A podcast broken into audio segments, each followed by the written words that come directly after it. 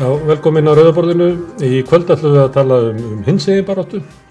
Því sem hafa fylgst með hérna að vita að við höfum stundu tekið hérna kvennabaróttuna og rætt um bara hver staðan er er, uh, svona hver eru verkefni framöndan, hvernig við breyst uh, til þess að hjálpa fólki að, að, að skilja og til þess að hjálpa fólki til þess að skilja hinsegi baróttuna og á hvaða stað hún er og hvert hún mun kannski fara á næstunni er hinga komið góður óbrafólki, það er Álfur Birkir Bjarnason, hann er nýkjörinn formaður samdagan 78 og Tóttla í Sæmundsdóttir, hún er eh, fræðslustýra í samdaganum.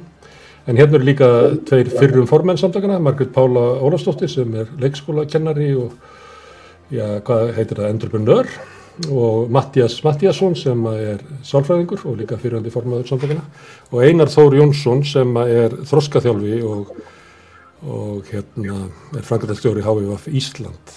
Ég sé að núna þegar ég er að þylja upp starfsetin að veru með hérna þrjúur umununastjættum svo kalluðum, þannig að ég býstu að þetta verði uh, mannúð sem að svífur yfir þessu þætti. En við ætlum að tala um hins eginn barátuna og við byrjum, það er bara eðlert að byrja á þér álfur af því að þú er nú ný kjöri formaður og án sem ég sé að byrja að fara með ykkur uh, kostningaræðu hver eru svona helstu verkefnin eh, í, í samtökunum og kannski í, í baráttu uh, eh, hins eginn fólks fyrir viðurkenning og réttlæti? Já, uh, þegar stórt er spurt sko, um, en í samtökum 78 hafa svona undanfærin ár svolítið einblínt uh, eða nýtt sér regnbóðakortið sem að Ilga Júrup gefur út til þess að meta stöðu hins eginn mála á Íslandi og í samanbyrði við hérna, e, Európa-tjóðuræðina og við erum í 14. seti þar sem að er bara ekkert voða gott fyrir hins einn partísina í Ísland e, með 54% þetta er svona slefar upp úr falli e, af sem sagt réttinda, réttinda checkboxum sem við erum að skoða en þarna til dæmis þannig að hins einn hælisleitundir að draga okkur niður vegna þess að við erum metum hins einleika ekki sem við, viðkvæman hóp uh, hælisleitenda og þá bara ekki einu svona í samkynnið þó að það sé mögulega uh, sagt, ástæða til hérna, mismununar í heimalandinu. Þarna er líka hattursorðræða og hattursglæpir. Við erum ekki með þingingur refsingar ef að glæpir er framinn vegna hatturs. Þannig að ef einhver hatar homma eða transfólk og fer út geggjert til þess að beita þessa hópa ofbeldi þá er það ekkert verra heldur en að fara og eh, beita einhvern annan ofbeldi sem að er, er þú veist, óvart eh, homi eða, eða trans eða, eða hins einu einhvern hátt. Eða svo sem hérna eh, þetta kemur litaraft og, og annað líka einsko þannig að okkur vantar, vantar þetta. Og svo eru svona, þú veist, svo eru svo mörg, margir hluti sem okkur finnst eins og síðu komnir uh, af því að samfélagi komið svolítið langt uh, með mjög margt og hérna, hlutir eins og það að, að hérna, lesbíur sem eignast barn saman jú, vissulega gengur bara önnur lesbían með barnið en síðan þarf hinn að skrifa undir jú, ég samþyggi það að þessi kona sé konan mín og ég sé tilbúin að eiga barnið mitt. Uh, og það er eitthvað svona tímaskekkja og, og hérna, þannig að þetta er, þetta er mjög vítt í rauninni, við erum, við erum á mjög hérna eru mörg verkefni í gangi sko og, uh, og hluti af því sem við erum að gera til þess er náttúrulega fræslan sem að tóli getur gæti sagt okkur frá. En að þú berð okkur svona saman við aðra þjóðir, getur þú gefa okkur hugmyndum hverju þá hérna númer 13 eða 15 eða mannstu það, hvaða svona ákvæða? Uh, ég get, get komið svona að sé þetta nokkur neginn. Um, Malta er í fyrsta seti og Ó. ég með þetta hérna frá mig. Um, og ég myndi halda að Írland væri í 16. seti e, eða Þýskaland og svo eru hérna Holland einhver staðar hérna rétt fyrir ofan okkur bara svona sem dæmi um, Malta er með e, 94% fær 9,4 í einhvern og, og uh, hefur enda tækjafæri til að bæta sig en, en það er nú ansi gott svona í samanbyrði við okkur heimsko mm. og, hérna, og þau bera bara höfuð og herðar yfir okkur Þannig að við erum að leiðin til möldu í þessum málaflokki. Magga Pála, má ég spyrja þig, hérna, hvað myndir þú segja að væri svona helstu baráttumál þessa hóps? Helstu baráttumálinn hjá okkur er ég kannski stærsta málið okkar að muna eftir því að við erum ekki komin allar leið og svo er það það sem að við þurfum að vera með bara að halda opnu í umræðinu að ísin er þunnur og þetta er það er alltaf... Það getur komið bakslag mennur það getur komið bakslag Ég óttast það og því að það er aldrei, það við getum aldrei verið fulli vissum á það sem er komið að það muni haldast. Og en þetta viðþóra er búið að vera á Íslandi. Já við erum nú komið svo langt og þetta er bara allt í góðu lægi en við skulum átt okkur að því að það er allt auðvelt þegar við búum í góðu árferði, góðum efnaðasmálum, allt er hardla gott um, vegna þess að svona ofsóknir og, og fordómar blossa oftast upp þegar að, þegar að ótti gerir vart við sig, við sem tegund við verðum svo hrætt, við verðum svo óttastlegin og það er svo auðvelt að samina hópa gegn einhverjum, það er miklu auðveldur að samina um, sagt, gegn einhverjum heldur en um eitthvað. Þannig að ég myndi halda að það skiptir mestu máli fyrir okkur að muna eftir þessu, við erum ekkert búin og það er, og það er nóg eftir og við skulum heldur ekki gleyma því að þótt að, þótt að við séum komin í þetta sæti yfir, yfir heimslistan og við vorum hlutverðs og ofar hérna áður, það er náttúrulega leitt að, leitt að heyra, en mínur áhyggjur eru hvaða, hvaða aðrir hópar hvaða aðrir hópar hafa kannski mögulega tekið við því sem við tókum á okkur á árum áður að vera, vera skótspót þeirra sem vilja samina fólk gegn einhverju hmm. Það er kannski eins og kom fram hjá Olvi að, að þeir það hins eginn fólk sem er stendur vest á Íslandi eru hælisleidendur og, og flottamenn og kannski innflytjendur, getur það ekki verið? Nákvæmlega. Nákvæmlega. Mm. og, og það er fordómar eru, eru í raun og veru myndi ég segja eins konar vopn. Og þótt að það sé lagt niður einum hópi að þá er vopni fyrir hendi og það eru aðrir, það eru aðrir hópar sem við erum tilbúin að, að því að beita beita mm. bara reynlega mannreitindabrótum gagvart mm. mm. Mattias eh, er það ekki rétt að þú hefur eitthvað leitu unnið með eh, flottamennum samkynnuð fólki sem hengaðu komið? Uh, jú, ég hef gert það og, og þá fyrst og fremst hérna einmitt eins og segir uh, samkynniðum einstaklingum uh, fyrir ykkar heldur en öðrum hópum hins eginn samfélagsins. Þannig ég þekki svona best til þeirra hef aðalega unnið í því samingi með sem sagt karlmönnum sem hafa komið hérna sem flóttamenn. Og jáfnvel sko hefur þetta meira sér komið upp í viðtölum án þess að viðkomandi væru skráðir eða að útlýðingastofni væri á einhvern nátt að taka tillit til þess.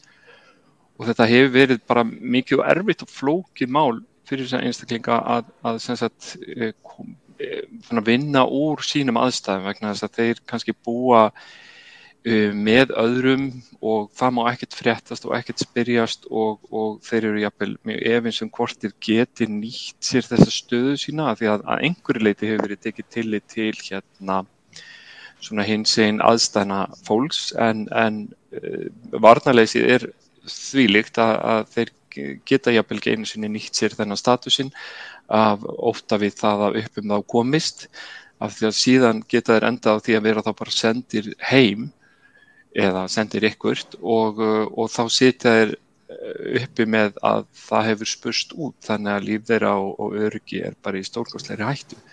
Þannig að þeir eru í alveg ótrúlega varnarlausri stöðu þessir, þessi menn og, mm. og allir hins eginn einstaklingar sem að, að í raunni uh, koma hérna sem, sem hælisleitundur og flóta fólk. Mm.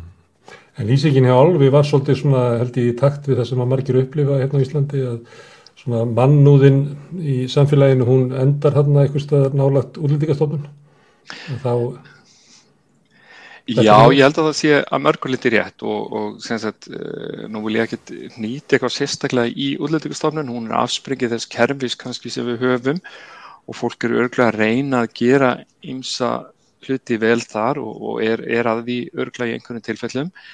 En, en kerfislega vond staða er, er staðrind hjá þessum hópi og hjá auðvitað bara öllum hópum hælisleitenda og flóta fólk sem kemur til Íslands vegna þess að það er ekki innbyggt í kerfið að það sé unnið úr eða greitt úr málum heldur einhvern veginn er þetta svona versmiðu kent bara afgreðsla mála og það þýðir að auðvitað viðkomustu hóparnir koma verst út og, og hins eginn fólk er í alveg ótrúlega viðkomri stöðu.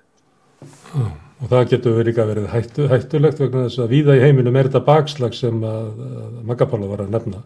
Við sjáum það í Austur-Európu, við sjáum það í Bandaríkjum, við sjáum það bara mjög víða, mjög alvarlegt bakslag, þannig að e, getur að verið þannig að, að stjórnvöld hérna áttis ekki á því hvað hérna það getur verið hættulegt að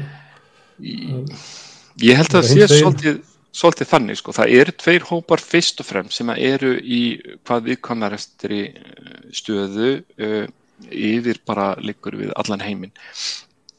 Það er transfólk og þá sérstaklega transkonur og uh, samkynniði kallmenn sem ekki geta stundum falið eða tvíkynniði kallmenn sem ekki geta falið kynniðina sína, falið einhverja tjáningu eða þeir eru bara grunaðir eða einhvern veginn þeim er stilt upp. Þessir tveir hópar og í rauninni að því við setjum svolítið hins eginn reglífun alltaf á þá gleymast undirhóparnir stundum og þess vegna er gott bara að nefna það með, ekki að taka hins eginn reglífuna út, alls ekki, en, en svona að nefna það með hvaða hópar það eru. Í Jetsinju voru það ungir samkynniðir menn sem að voru fangilsaðir og pintaðir og fleiri stöðum er það að gerast. Í Suður Ameríku að þar eru það hérna uh, kvenleir uh, uh, kallmenn, uh, samkynniðir sem eru verða fyrir árásum og barsmiðum og uh, transkonur sem verða fyrir árásum og barsmiðum og það er bara mjög víða um heim.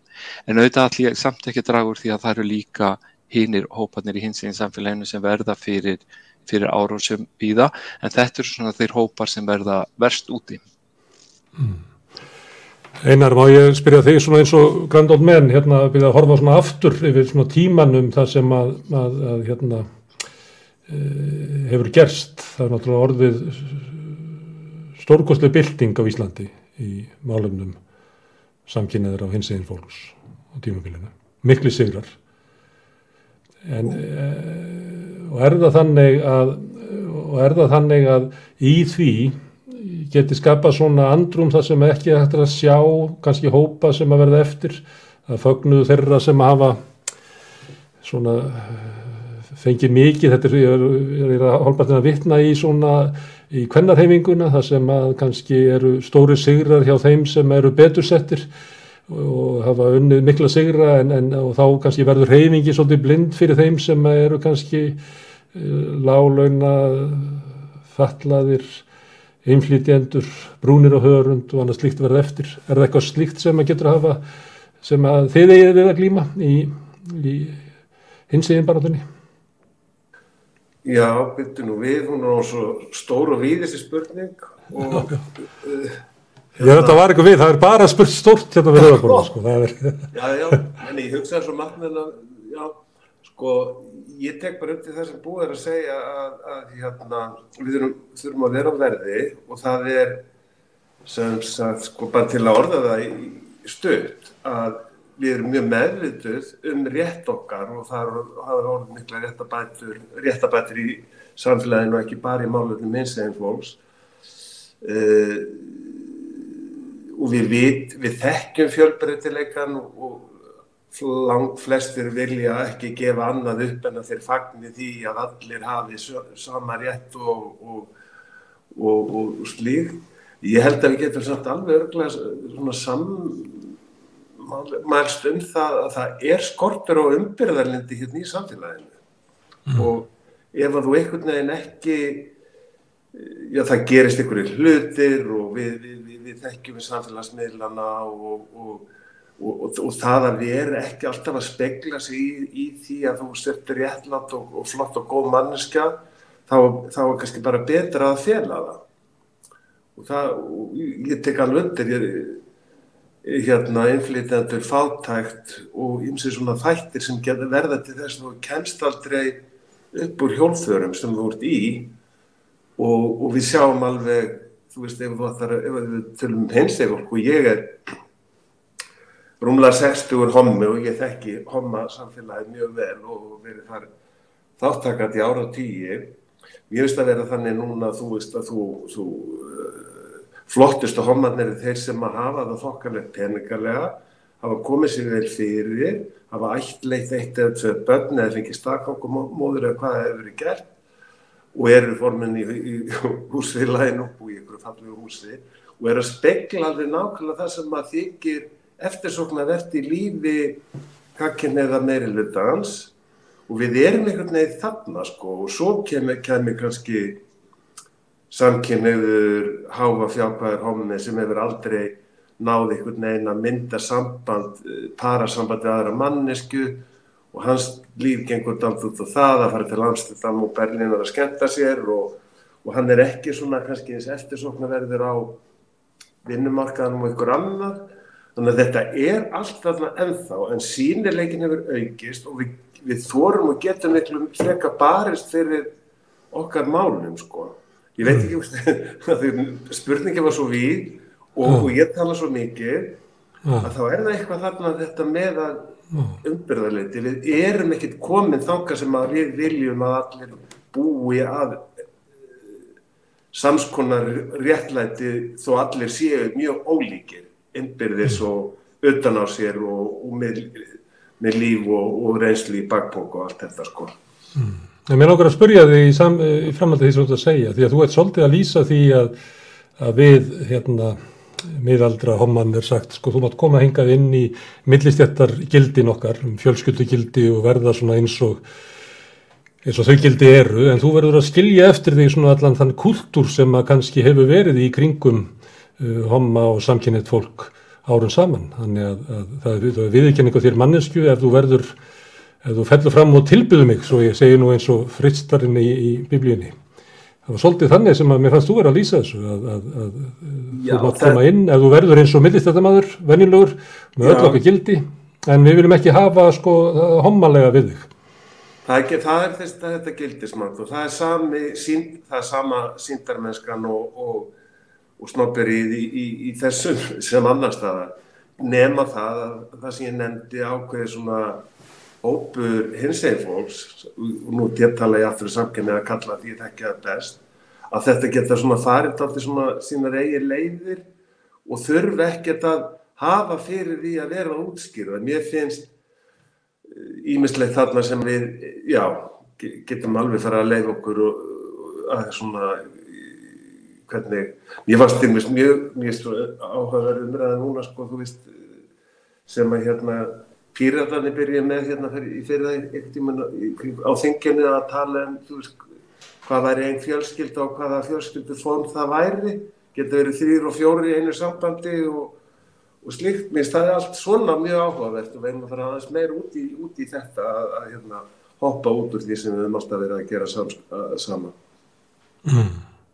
Tóttan, má ég spyrja um þetta? Það er svona, þegar maður spyrja hvernig gengur í baráttunni, þá er þetta telja upp svona formlega breytingar sem hafa verið gerðar. En líklega er það bara hluti af barátunum því að, að, að annar hluti er bara um uh, virðingu og, og viðurkenningu ekki bara á því að fá að vera með heldur að fá að vera með eins og maður er.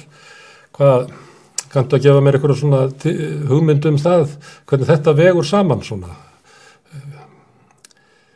Já, mér finnst einar eins og eina séð að tala um að sko viðurkenningin svona Það, það, það bætti vinna aðeins í henni frekar heldur en að vera að telja upp sko svona lagalega atriði sem hefur tekist að breyta. Já, það sem við vorum að tala svolítið um áðan uh, í samhengi við regnbókorti er náttúrulega allt lagalega breytingar og það er hvað fætti því að kannski eini mæli hvernig sem við höfum til að sjá breytingar. Það er til dæla erfitt að hérna, mæla samfélagslega viðhorf í hvert og eitt skipti en stærstu breytingarnar fyrir fólk er samt í samfélagslega viðhorf að þú getur fá, fára að lifa eins og þú vilt lifa og fára að haga þér í lífi eins og þú vilt haga þér, hvort sem það er einmitt að eiga einn eða tvo eða þrjá makka eins og. En hérna, en já, ég myndi segja þetta sko, hérna, við höfum verið svolítið först í þessum mælingum með regnbókorti að það er eina sem við höfum mælanlegt á milli landa, en svo sjáum við stundum til dæmis eins og lönd sem eru kannski ofar en við á kortinu að þá er samfélagið samt ekki komið alveg að blant.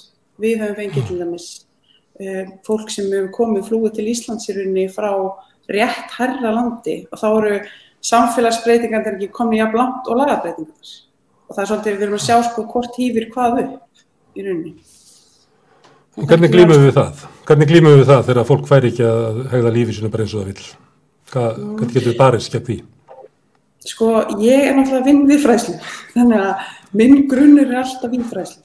Aftur og aftur og aftur skal ég fara að fanga.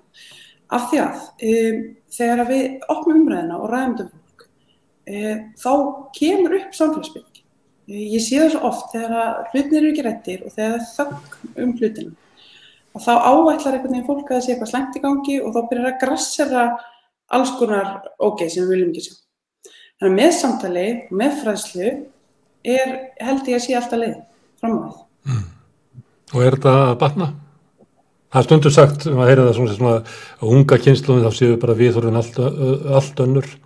Er það svo? Já, einhverju leiti. Ég er um þetta að fara, eftir þennan þáttir ég að fara í, í hins einn félagsmyndstöðina. Það sem við reykum í Reykjavík félagsmyndstöðu fyrir krakka á aldrinum 13-17 ára. Og þetta er náttúrulega... 101 eða ekki? Er ekki 101? Jú, jú þetta er viðstofnarskóla.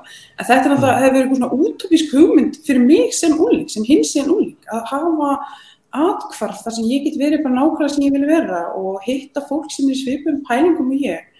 Og veist, þetta er náttúrulega bylting í raun að þau fá að vera frjáls. En að samskapi um leið og, hérna, og það er ekki ég tala við krakkana, um leið og það er þöggunum hlutina, þá fyrir við að sjá líka alls konar ljóta hluti. Þetta er alls ekki búið.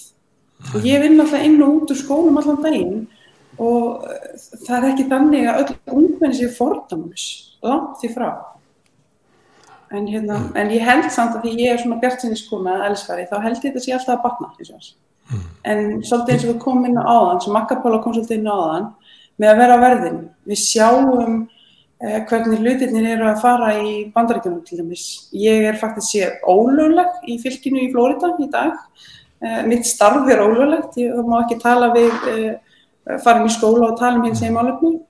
Eh, við sjáum í Pólandi eru LGB svæði þar sem er anti-LGB svæði þar sem bara má ekki tala um það að vera hins að neitt máta og ekki halda gungur hundra sveitafjölu tóku þátt í því í Pólandi til dæmis sjáum alls konar aftur fyrir Breitlandi þjónustu við transfer þetta er alls þar og við sjáum hvernig hlutinni geta og hversu hrættir geta hrokkið tilbaka mm. þannig að þetta er svona spurningum um að halda sér alltaf vakandi og vera verði mm.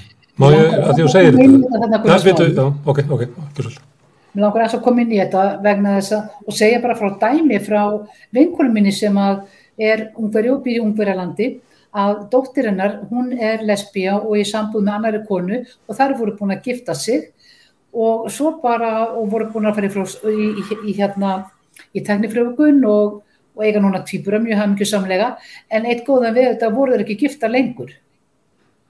Mm. Það var einföld lagabreiting og það sama gerðist með, með forræði yfir, yfir barninu að það er einhverjum móðurinn sem fætti barni sem að núna er viðurkendur aðili og, og, hérna, og þessi dásanlega vinkona mín að henni finnst nú samt ennþá þetta vera bærilegt. En það er farið að hún er, hún er giðingur og, og lýsir af því.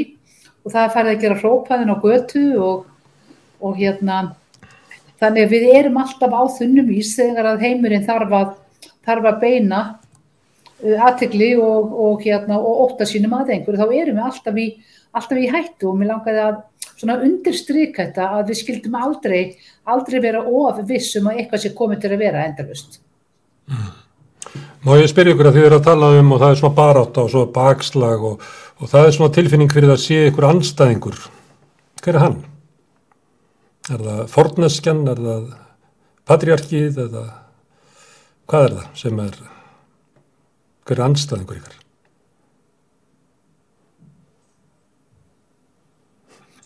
Þetta er alveg ótrúlega góð spurning.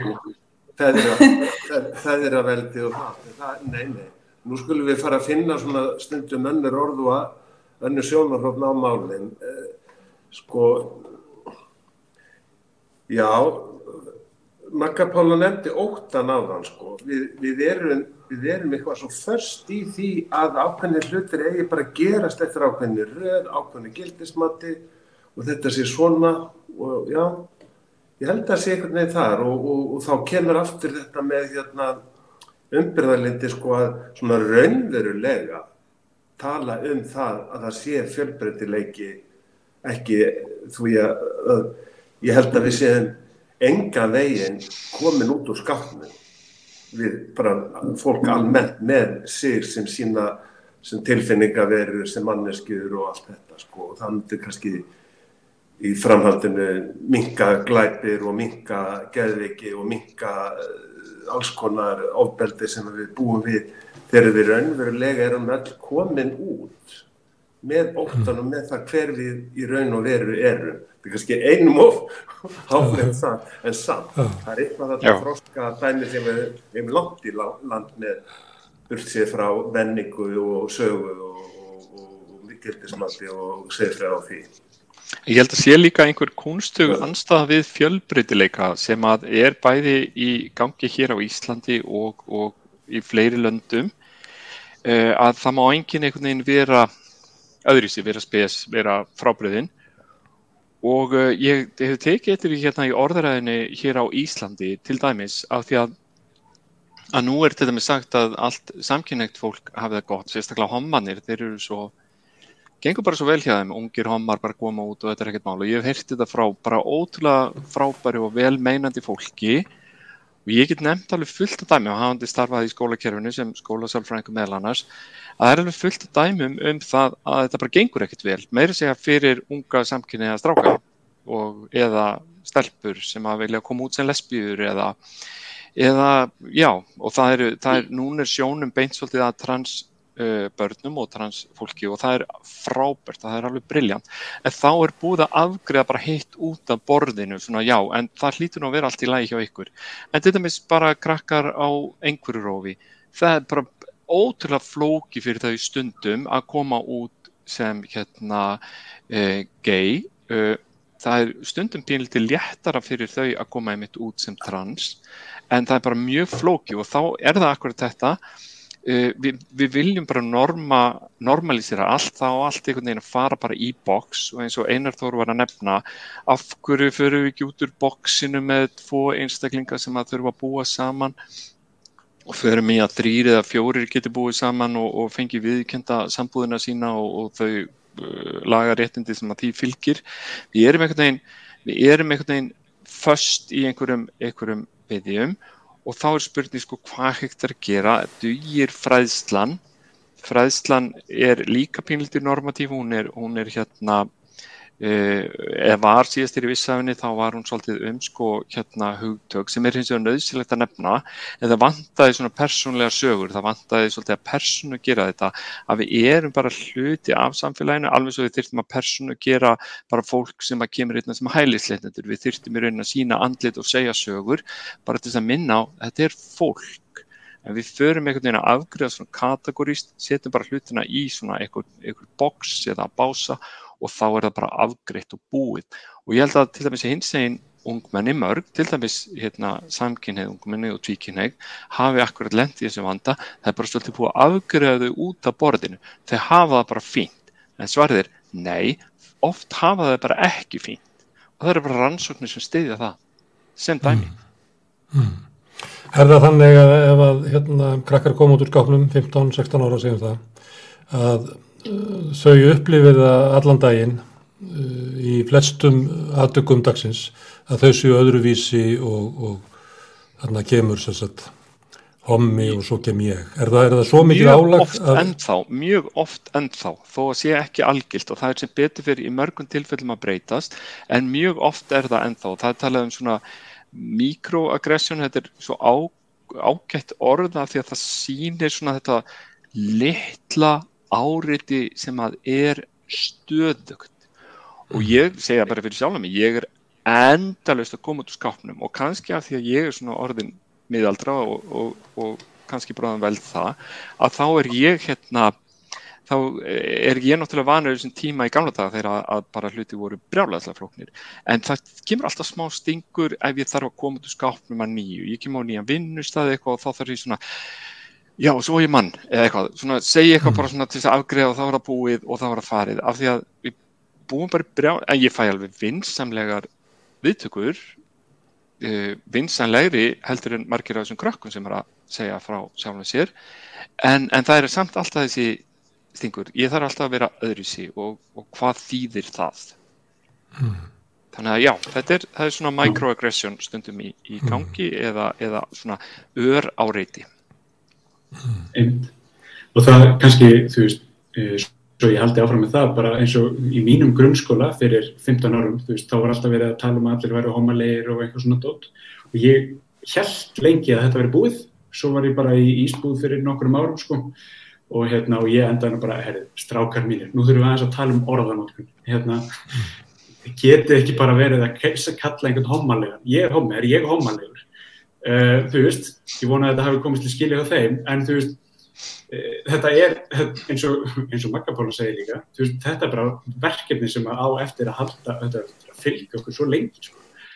Um, og þú veist, við verðum að passa einmitt bara að, að svona menning, uh, svona, þú veist, einmitt, mikroaggression í rauninni, grassir ekki aftur, eða takir sig upp einhvern veginn. Fyrir utan það náttúrulega að, að hérna, þú veist, við stöndum ennþá í verkefninu þar sem við þurfum að hérna, takast á við bara alvöru afleðingar það, sko. Má ég spyrja þig alveg hver er óvinnurinn? Og þá er ég ég er svolítið að veltaði fyrir mér sko kannski eigið þið samilan óvið með alls, allt öðrum hópum eða er það eitthvað sérstakt sem að er, er anstæðingur ykkar baráttu? Nei, ég held að, ég held að óvinnurinn sé, um, ég held að hann sé rosalega almennur. Þú veist, þetta er, þetta er kerfið sem við byggjum upp um, og þetta er mikið til, þú veist, kerfi sem er byggt upp af sko uh, kolónial uh, hérna, heimsveldum uh, sagt, og við erum í rauninni ennþá bara að hérna, uh, vinna okkur út úr því.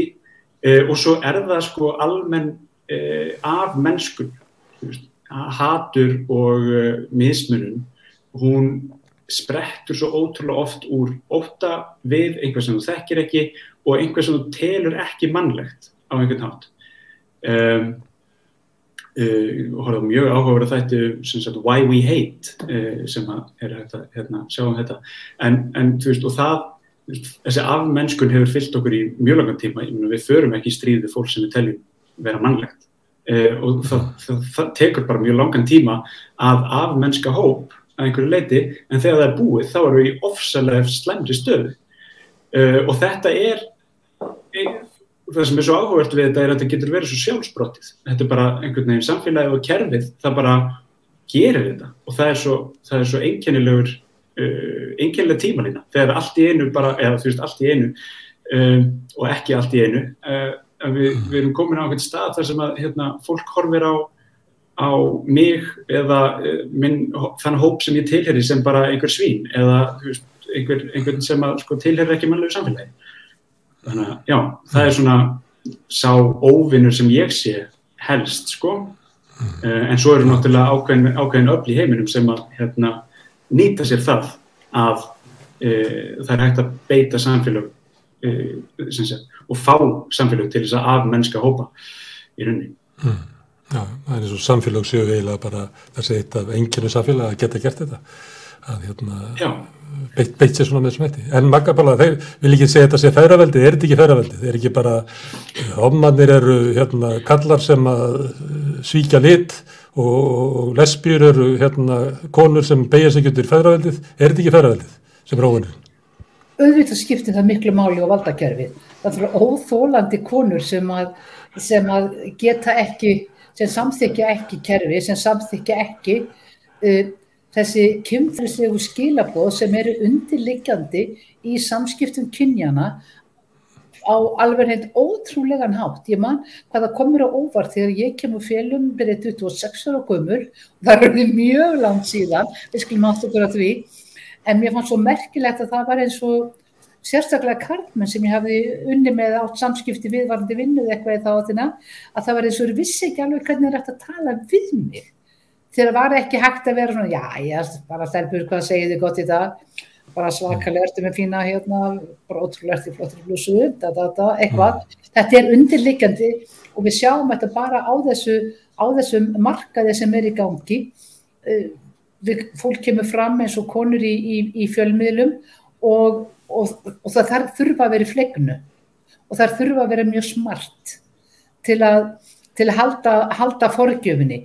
Þannig að þetta, þetta er þessi kynferðislegi undirtótt sem sagt feðraveldisinn sem að notar náttúrulega, notar bara kynferðislega skýrskótanir alveg gríðarlega mikið til þess að stilla hlutinum upp.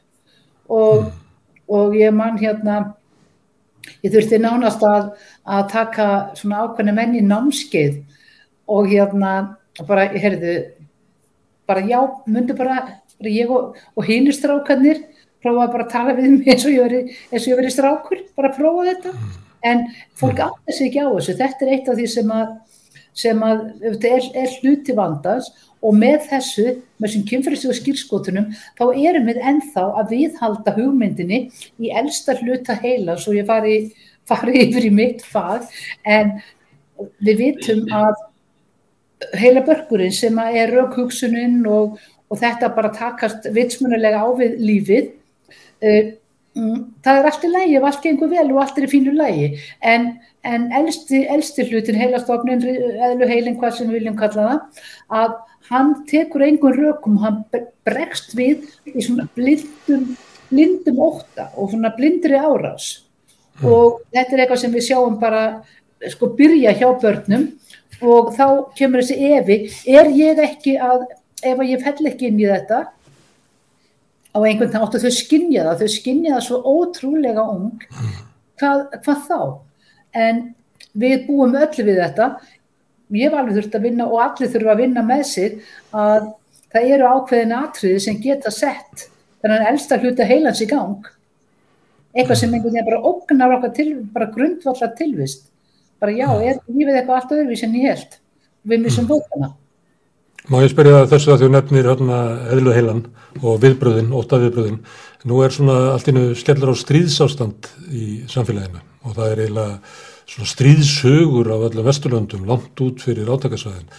Eh, er þetta andrum sem er hættulegt hópum eins og hins eginn fólki? Þegar það kemur svona þessi ótta viðbröð sem að maður finnur að bara að gengu eftir þessa innrás að gengu bara svona einhver ótta viðbröð um samfélagið. Er þetta hættu, hættu tími?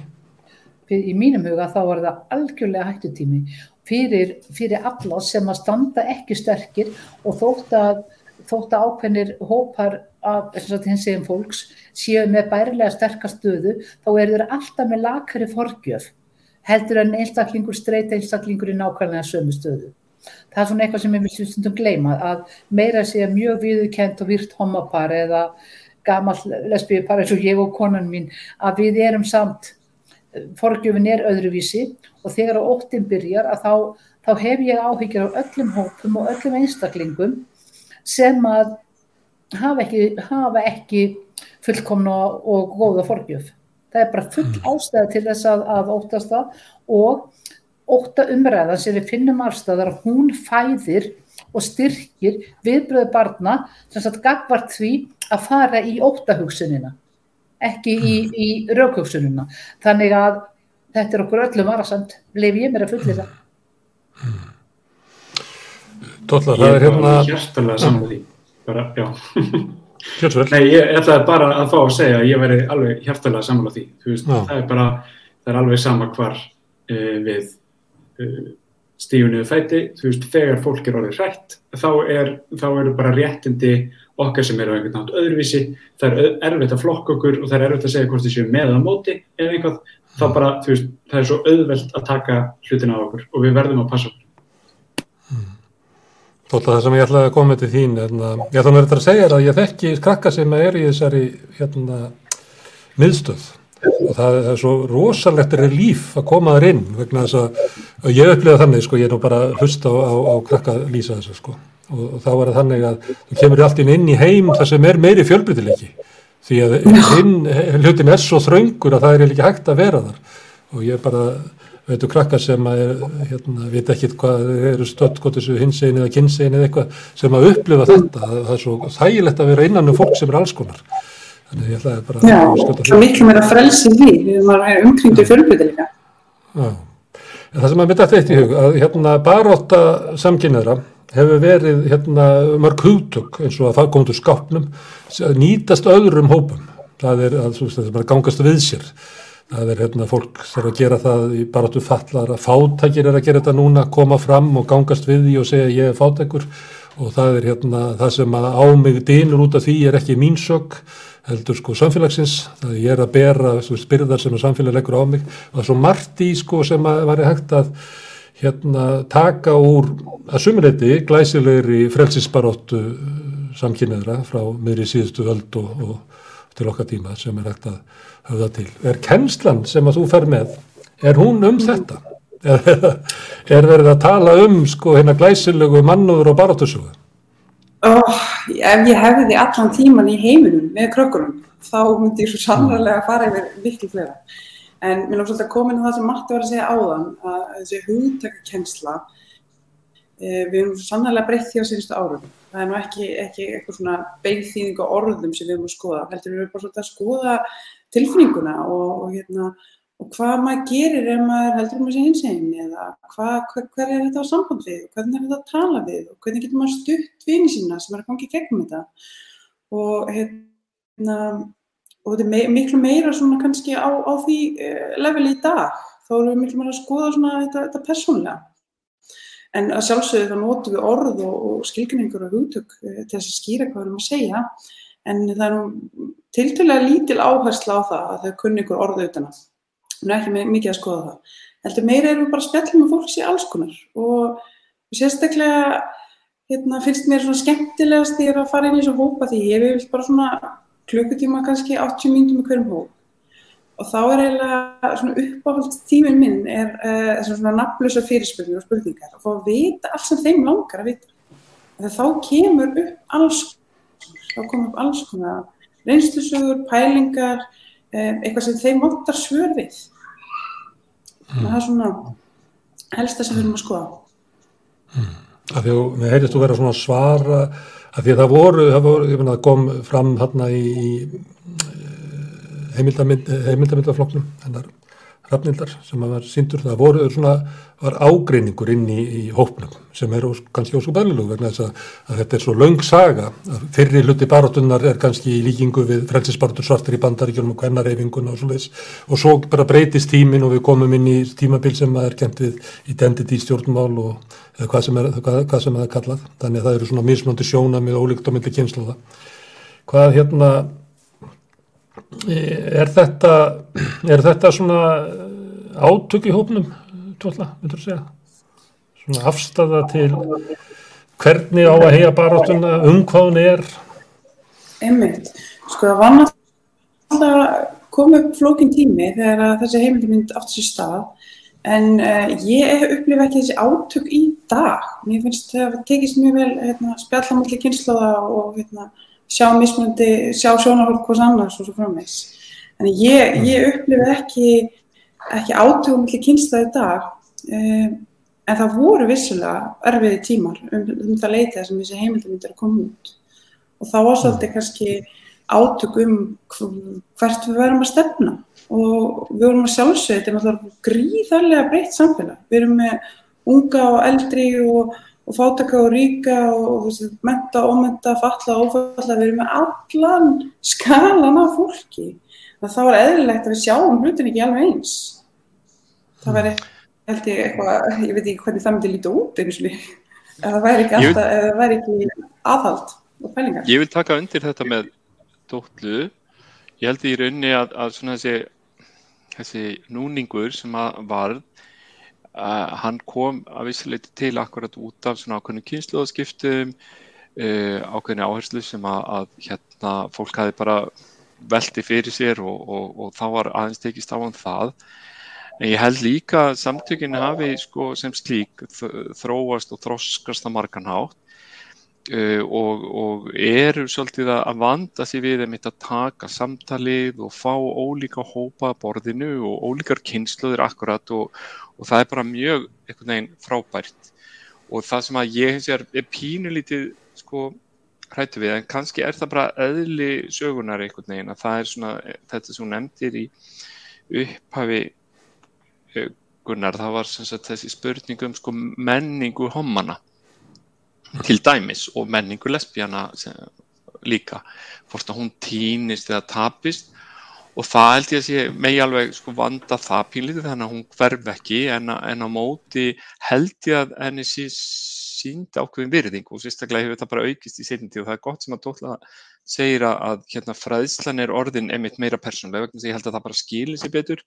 En auðvitað þarf að nota útskýra hugtök og, og annað þetta því þannig að þetta er, þetta er frábært. En, en ég einmitt vil taka undir þetta að ég held að átökinn hafi einhvern veginn horfið svolítið, ég skinnja það sem sagt á þeim stóra hópi homma sem að ég heyri reglulega í sem er á, á hérna spjalli á ákveðnum samskiptameili að, hérna, að þar er mestur vilji til þess einhvern veginn að eiga svolítið friðsaflega sambúð að það sé ekki neinum í hag að vera í einhvern stórkostlegum átökum inn í hópnum. Að, og, og bara sjá hvernig þróunin er og styðja nýja og ólíka hópa sem koma til liðs við hins hins samfélagi og þannig einhvern veginn að, að byggja upp fungerandi, fungerandi samfélag. Þetta kom sambarlilegt svolítið í viðtali hérna, sem samtalið sem voru með um, um kvennarhefingunum daginn og þá var það sko það sem getur gerst við svoleiðs aðstæður og þú reynir að að halda öllum inni, en þá getur þú komið með sko stefnu sem er svona, svona eins og leggst í samnefnari, þú missir út úr baráttunni kannski svona kraftin úr einhverjum hópum og svona harða réttlætisbaráttu þeirra sem að verða mest undir, þess að ég ætla nú ekki að, já, jú, ég gerði það bara því hérna, Davíð Oddsson sagði það eins og í, í hérna á, á hérna landsfundi sjálfstæðarflóksins í hérna lögatarsvöld þegar það var mest deilt um á, á tíunda áratögnum um kótakerfið og, og veiðigjöld. Að þá sagðan að, að stundum verður við að taka samstöðuna fram yfir réttlætið, þetta er alveg klikkuð setning, en það er það sem að, að getur gerst þegar þú ert að reyna að ná að halda samstöðinu svo víða að, að kannski bara byrðu til eitthvað kannski einhverja kröfur eða eitthvað, kannski eins og hérna, að bara horfa á einhverja mælistekku, þá vita allir samt að, að það er einhver raunveruleiki sem að mælistekka mælir ekki neitt sem við ættum kannski frekar að hugsa um eitthvað slíkt. Nálfur þú að þetta er í þessu hlutverki að ná að, að halda þessari sko feikna stóru reglíf þannig öllum í þið vel undir en er það þannig að verður þá kannski svona að missi kannski svona einhvert afl við það, að, að þessi einhverju hópar þarna inni sem að þurfi raunverulega kvassari baráttu, það sem að kannski vilji hópsis er að við skulum hafa þetta bara sem svona gott og samfélag þannig okkur líði vel saman í staðin. Er þetta til, hjá ykkur sem að mér fannst feministandi vera svona til í að velta fyrir sig gott að vera í staðin hjá sér? Já, þú heldur áfram að spyrja stort sko. Það er ekki bóðið annað, það er bara, bara, bara aðalréttir, það er, það er bara steikur. Nákvæmlega. Nei, ég, eða sko, ég held, ég held í rauninni uh, að samtökjum 78 þau voru að stækka mjög mikið þarna á fyrsta áratu þessara aldar. Uh, þar sem að, sem sagt, við, við tökum í rauninni fleiri hópa inn undir þessa reglíf og mér finnst mjög eðlilegt að uh, fólki líði eins og, eins og þeirra barátt að hafi einhvern veginn orðið undir í því eða að, að fórgómslöðin sé ójöfn eða eitthvað svona. Og það er einhvern veginn svona hluti af samtali sem bara er eðlilegt. Uh, og ég, ég skil veist, uh, þau sjónamið uh, mjög vel. Og, og einmitt eins og þú segir sko einhvers sameilur minn legstu samnefnari um, af einhverju leiti þá eru við vissulega að einblýna á hlutina sem að e, sagt bjarga flestum lífum eða e, þar, sem sem að neyðin er mest. En að öðru leiti þá er líka þá erum við líka að e, sagt, við, við dreifum í rauninni okkar hérna, krafti mjög víða.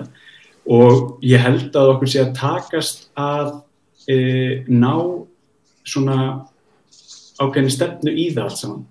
Til þess að við getum búið til hérna, einhverja, einhverja samheldni og einhverja, einhverja samstöði í samfélaginu okkar sem að e, vegna þess að kraftarnir nýtast á milli hópa, það er ekki eins og og transfólk sé út í hotni og homar sé einhvers þar annar staðar og, hérna, og það sé engin blöndum e, en aftur á móti það sem að hefur svona kannski e, valdið mér ákveðnum áhugjum eru kynnslóðabilin. Það er einhvern veginn uh, virðist við þurfum bara að taka á því. Við þurfum, okkur vantar mjög mikið að hérna eh, að, eh, að hérna, ná okkur saman á þann hátt að einhverju leiti um, en sko Álfur, má ég spyrja þig að því að, að því að þú talar um þetta og, og maður hefur orðið varfið að þessi átök eru inn í ykkar hóp þau, en þau eru víðar og svona. Um hvað er þessi átök? Er getur verið þetta séu átök um svona, svona smekk á mannúðabaráttu, smekk á áherslum eða er þetta hérna, átök um eitthvað svona grundvallratrið? Er þetta, er þetta um sérst, áferð og svona hvernig hlutin eru lagðið fram eða er þetta um eitthvað sem er alveg bara uh, svona bara upp á líf og dauða? Er þetta... Nei, ég held, ég held einmitt að þetta, þetta er gjarnan uh, einmitt áferð eða áherslubreitingar og þetta er ekki, það er ekki spurningum hérna hvaða boltavegum að sko sleppa heldur í rauninni hvaða bolta við ætlum að passa sig á lofti núna og uh, grýta í þinghúsið eða einhver svo leiðis. Um, það, er hérna, það er svona, ég held í flestum tilfengum þá hafi þetta verið, uh, sagt, allavega í dag sé þetta forgangsröðunar svona ágreiningur. En uh, og, og einhver svona áferð einmitt á því hvernig maður orðar hlutina og, og einhver samtökun 78 hafa kannski svolítið um, búið sér til orðspor þar sem við erum mjög málefnileg um, sem að hendar í mjög mörgu uh, en við gleymum samt kannski ekki græsrótinni og, hérna, og, og megum alls ekki gera það. Uh, þannig að þetta er, það er eitthvað svoleiðis held ég svona helst uh, af því sem ég finn í dag. En vissulega hérna í kringum árið 2016 og, og aðeins framveitir þá það voru vakstaverkir og, það var hérna kannski eins og tótla nefnd aðan ef við tökum ekki samtalið þá grassera eitthvað, e, eitthvað neikvægt og við, hérna, við mistum svolítið samtalið e, en ég held að við sem að ná því upp núna sko. Hmm. Já, herðu, hérna ég ætlaði að spörja möggustínu svo sá ég að hún datt út, það getur verið hún hafi orðið svona, svona ramaslös hérna, hérna að því að eina var svona einhver leiti að ég, að ég fór alltaf að hugsa um eftir eina að talað um svona hvað getur við kallað homakultúr og lesbíukultúr. Þá hérna e, langar með að spyrja kannski tótlu út í það hvort að er það eitthvað sem að ég, ég, ég er nú eins og margir séð heimildamindum hana hérna Fran Líbovits sem að rýfur kæft í 90 mínútur og meðal annars var hann að tala um hvað henni lítist ekkert á breytinguna í, í sagt, svona gay reyningunni sem að áður þá voru við alveg guðslefandi fegin að eigi ekki börn en núna er fólk bara að heimta það að fá að eignast börn og við vorum alveg guðslefandi fegin að vera lausvita helviti sjónaband en núna er bara allur hópurinn að heimta að fá að, hérna, að gifta sig. Og kannast kannski við þetta. Hvað er þetta hérna Héttur verið að, að, að krafan um að fá að vera með og fara inn leiði til þess að, að hópurinn svona týni sko sérkynni sinum? Sko já, ennvitt. Það var svolítið það sem eina kom inn á það, sko. Að það var hérna e, þessi kannski þrýstingur að hérna, hins eginn fólk fjalli bara inn í þetta gagginni að sís regluverk og eru því mm. bara eins og það var ekkert einn átti bara alltaf að vera eins. Það var bara hjónaböndin, batningnirnar og svo framins og, hérna, og mátti ekkert kannski vera hinsinn, vera öðruvísi heldur maður. Mm. En núna held ég þessi komur kannski aftur tilbaka svolítið að fannst það að það er, það er bæði í lægi að vera jáðarhópur og ekki falla inn í einhvern kassa á þetta norm sem getur búið til og þú getur líka valið um hitt. Þetta er svona svolítið, eh, ég alltaf sem að fylgjast kannski með eh, yngri kynsluðinni núna að þau leifa sér svolítið að með það að fara út fyrir bóksið og vera ekki endilega inn í bóksið og meðan mm. sko, mín svona helsta þrá var alltaf að, einmitt, að gifta mig og eignast börn og, og, og, veist, og passa inn og fara inn í kassa sem ég langa að vera inn í kassanum og með þau, þau þól ekki að vera inn í þessu, þessu nómi og það sé ekkert til þess að ég held því sem komur svona aftur svolítið á þann stað að það er alltaf lægi einmitt að vera öðruvísi það er alltaf lægi að brjóta upp nómi í, í hmm. bæði einmitt lesbíu, homa hva, hvað, hvað hins einn hóp sem við skoðar. Einar Þór, þú hefur hérna tekið þátt í annars konar baróttu líka. Eh, Hérna, ég verið að nefna áðan um sko, hérna, margt í hugtökum eh, baróttu homo lesbía á, á, upp á miðri síðustu öld og, og hvernig hún hefur þróast sem hefur verið fyrirmyndanar að hópa. Hérna, er það svo? Hafið hafi þið eitthvað að gefa öðrum sem eru kannski veikasetti núna? Geta, heldur að fólk getur hort til ykkar baróttu og, og lært af henni? að hérna, mikilvægi þess að koma út úr skapnum og gangast við sér að vera eins og alveg nefndi, hann talaði um að vera svona málefnilega og svona, ég man eftir því þegar þegar að fórsvarsmenn samtakana 78 voru fyrst að mæta einhverjum uh, klerkum í sjónvarsal og eitthvað fleira þá menn heldu andlitinu alveg aðdánavert það er bara næstuði eins og þegar Malcolm X var að mæta sko kvítum ofstafamönnum í sjónvarpunum 63 að, að fyrir mér hefur samtökin alltaf verið, verið, verið svoleiðis. Er, er eitthvað sem að sko réttindabarta og frelsinsbarta samkynina getur gefið öðrum hópum Já, svo sannarlega og mikið er það gott ef að, að það er að líða lókun þess að þáttar að við tölum nú aðeins um eldra fólki og þá sem að lögði baróttuna að sko álur kom inn og mjög réttilega að þetta er ekkert eitthvað rosalegt svona málefnarlegur ágreiningur eða hætta ástand en við, ég, maðurinn minn var að deyja núna fyrir rúmum tveim ykkur síðan 19 árum eftir takk fyrir það, 19 árum takk. 19 árin eldri en ég og, og á hjókrunarheimili uh, hann fættist á þeim tímum þar sem að uh, samkynnið var uh, geðsjúkdómur og ólöguleg með öllu. Fólk og ég og mín kynnslu, ég er 62 ára við munum það að við vorum í raun og veru í mörgum aðstæðan réttræp og við börðumst beinlinis upp á líf og dauða og til síðasta blótrúpa og mörg okkar og margir okkar lifið það ekki af. Það er dásanlegt og ekkert náttúrulega þakklægt að sjá hvernig hlutinnar hafa þróast með tímanum en þegar maður er inn á til þess ellihemili, þess sem er gamalt fólk, ekki margir sem hafa komið út úr skapnum inn á ellihemilunum, ég þurfti að útskýra það mjög oft fyrir einhverjum, ég er 19 árum eld, yngre en hann, og maður á bestu aldrei þanniglega út, út í það farið. Hann var meðldrun og sjúkdóm og lánastofnu ég þurfti mjög ofta að útskýra býti að ég var ekki svonvarsveldur, ég var í maðurinn hans. Mm. og þetta gaf ekki stundum farið í gegn hjá fólki. Og það var til og með smarta fólk sem hefur indælasta starfsfólk sem að var að vinna uh, frá öðru menningar heimum og það að við verðum löglega giftir og okkar staða þannig væri alveg eins og annar og, og uh, það bara valdaði svona hnútin á þetta núna myndi maður minnast á þetta fólk sem að hérna mm.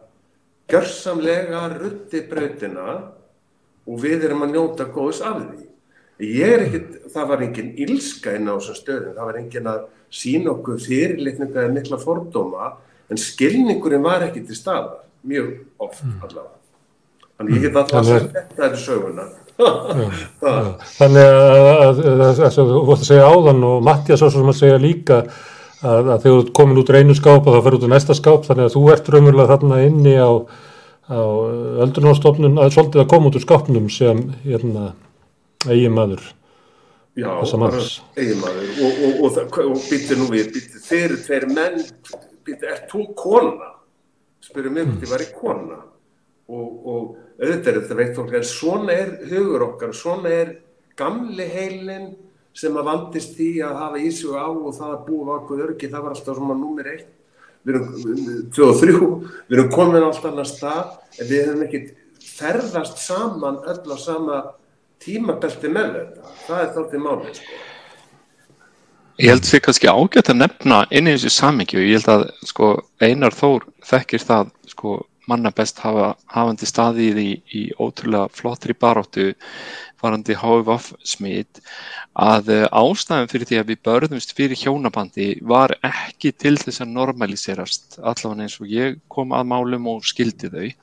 Það var til þess að gæta réttar okkar varðandi það ef að emitt maki okkar, sambúðar aðili, fer inn í einhverja aðstæður þar sem að, að uh, aðrir aðilar koma að.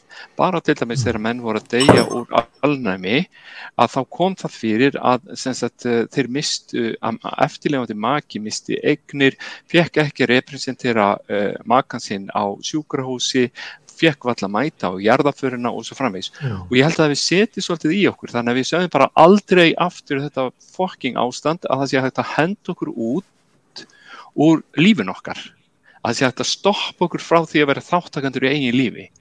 Og þess vegna börðumstu fyrir hjónabandi. Það var ekki til þess að normaliserast þó að það séu einhver sem halda því fram. Og það er það allt í lægi, við viljum ekki að skatt yrðast um það. Ég vil bara að sko, sé alveg ljóst. Við börðumst fyrir því til þess að þurfa ekki að þóla þetta ástand aftur. Hmm.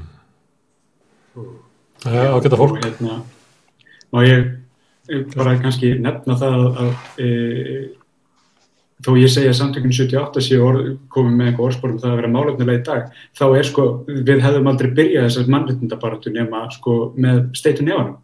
Og ég, er alls ekki, alls ekki gera lítið úr sko því sem að var í alvor, alvörunni e, bara barátt að milli manna þar sem að fólk slóst og kastaði grjóti og, og, hérna, og þannig að aktivismin er sko alveg ótrúlega mikilvægur hluti að þessari sögu líka. Hmm. Og ekki bara fólk var beitt ofbeldi heldur var fólk drepið af hérna vannrækslu. Það var ekki synd alvarlegum sjúkdómum hópsins og látið deyja. Það er nú kannski ofta sem að samfélag drepa fólk. Það er með bara kerfisbundin í vannrækslu. Líklega er það svo. Herðu, leðilegt enda á svona dabru, tón sem ég gaf inn í þetta en ég, ég hekka ykkur kjallaði fyrir að hérna, hjálpa mér til þess að skilja bara áttu uh, hins eginn fólks og, og hlusta á ykkur tala. Ég er hérna, ég hef svona grunum að ég hérna fari og reyni að, að fræðast aðeins til þess að undirbúa mig undir framhald við að fá að tala við okkur eitthvað tíma setna aftur. En ég þakka ykkur kjallaði fyrir í kvöld. Uh, Tótla, Álfur, Margret Pála sem er nú farið núna, Einar Þór og Mattias og hlustundu þakkaði fyrir að staldra hérna við. Ég veg aðteglið því á eftir hérna á samstöðinu kemur þáttur um, um leyendur sem er hérna hópur sem er í mikillir réttlæti í spáratu núna og svo í kvöld verður hér pólski þátturinn. Það er hérna, þáttur á pólsku á samstöðinni sem að fjallar um málefni pólskra innflytjata hér og stundum um, um, um mál, pólsk samfélagsmáli í Pólandi. E, og svo hérna klukkan tíu verður þáttur um miðnætti í kænugarði þar sem við fjöllum um innrásinna í Úkrænu og ymsa þætti sem að tengjast þeim atbyrðum og afleðingum þeirra. En takk fyrir.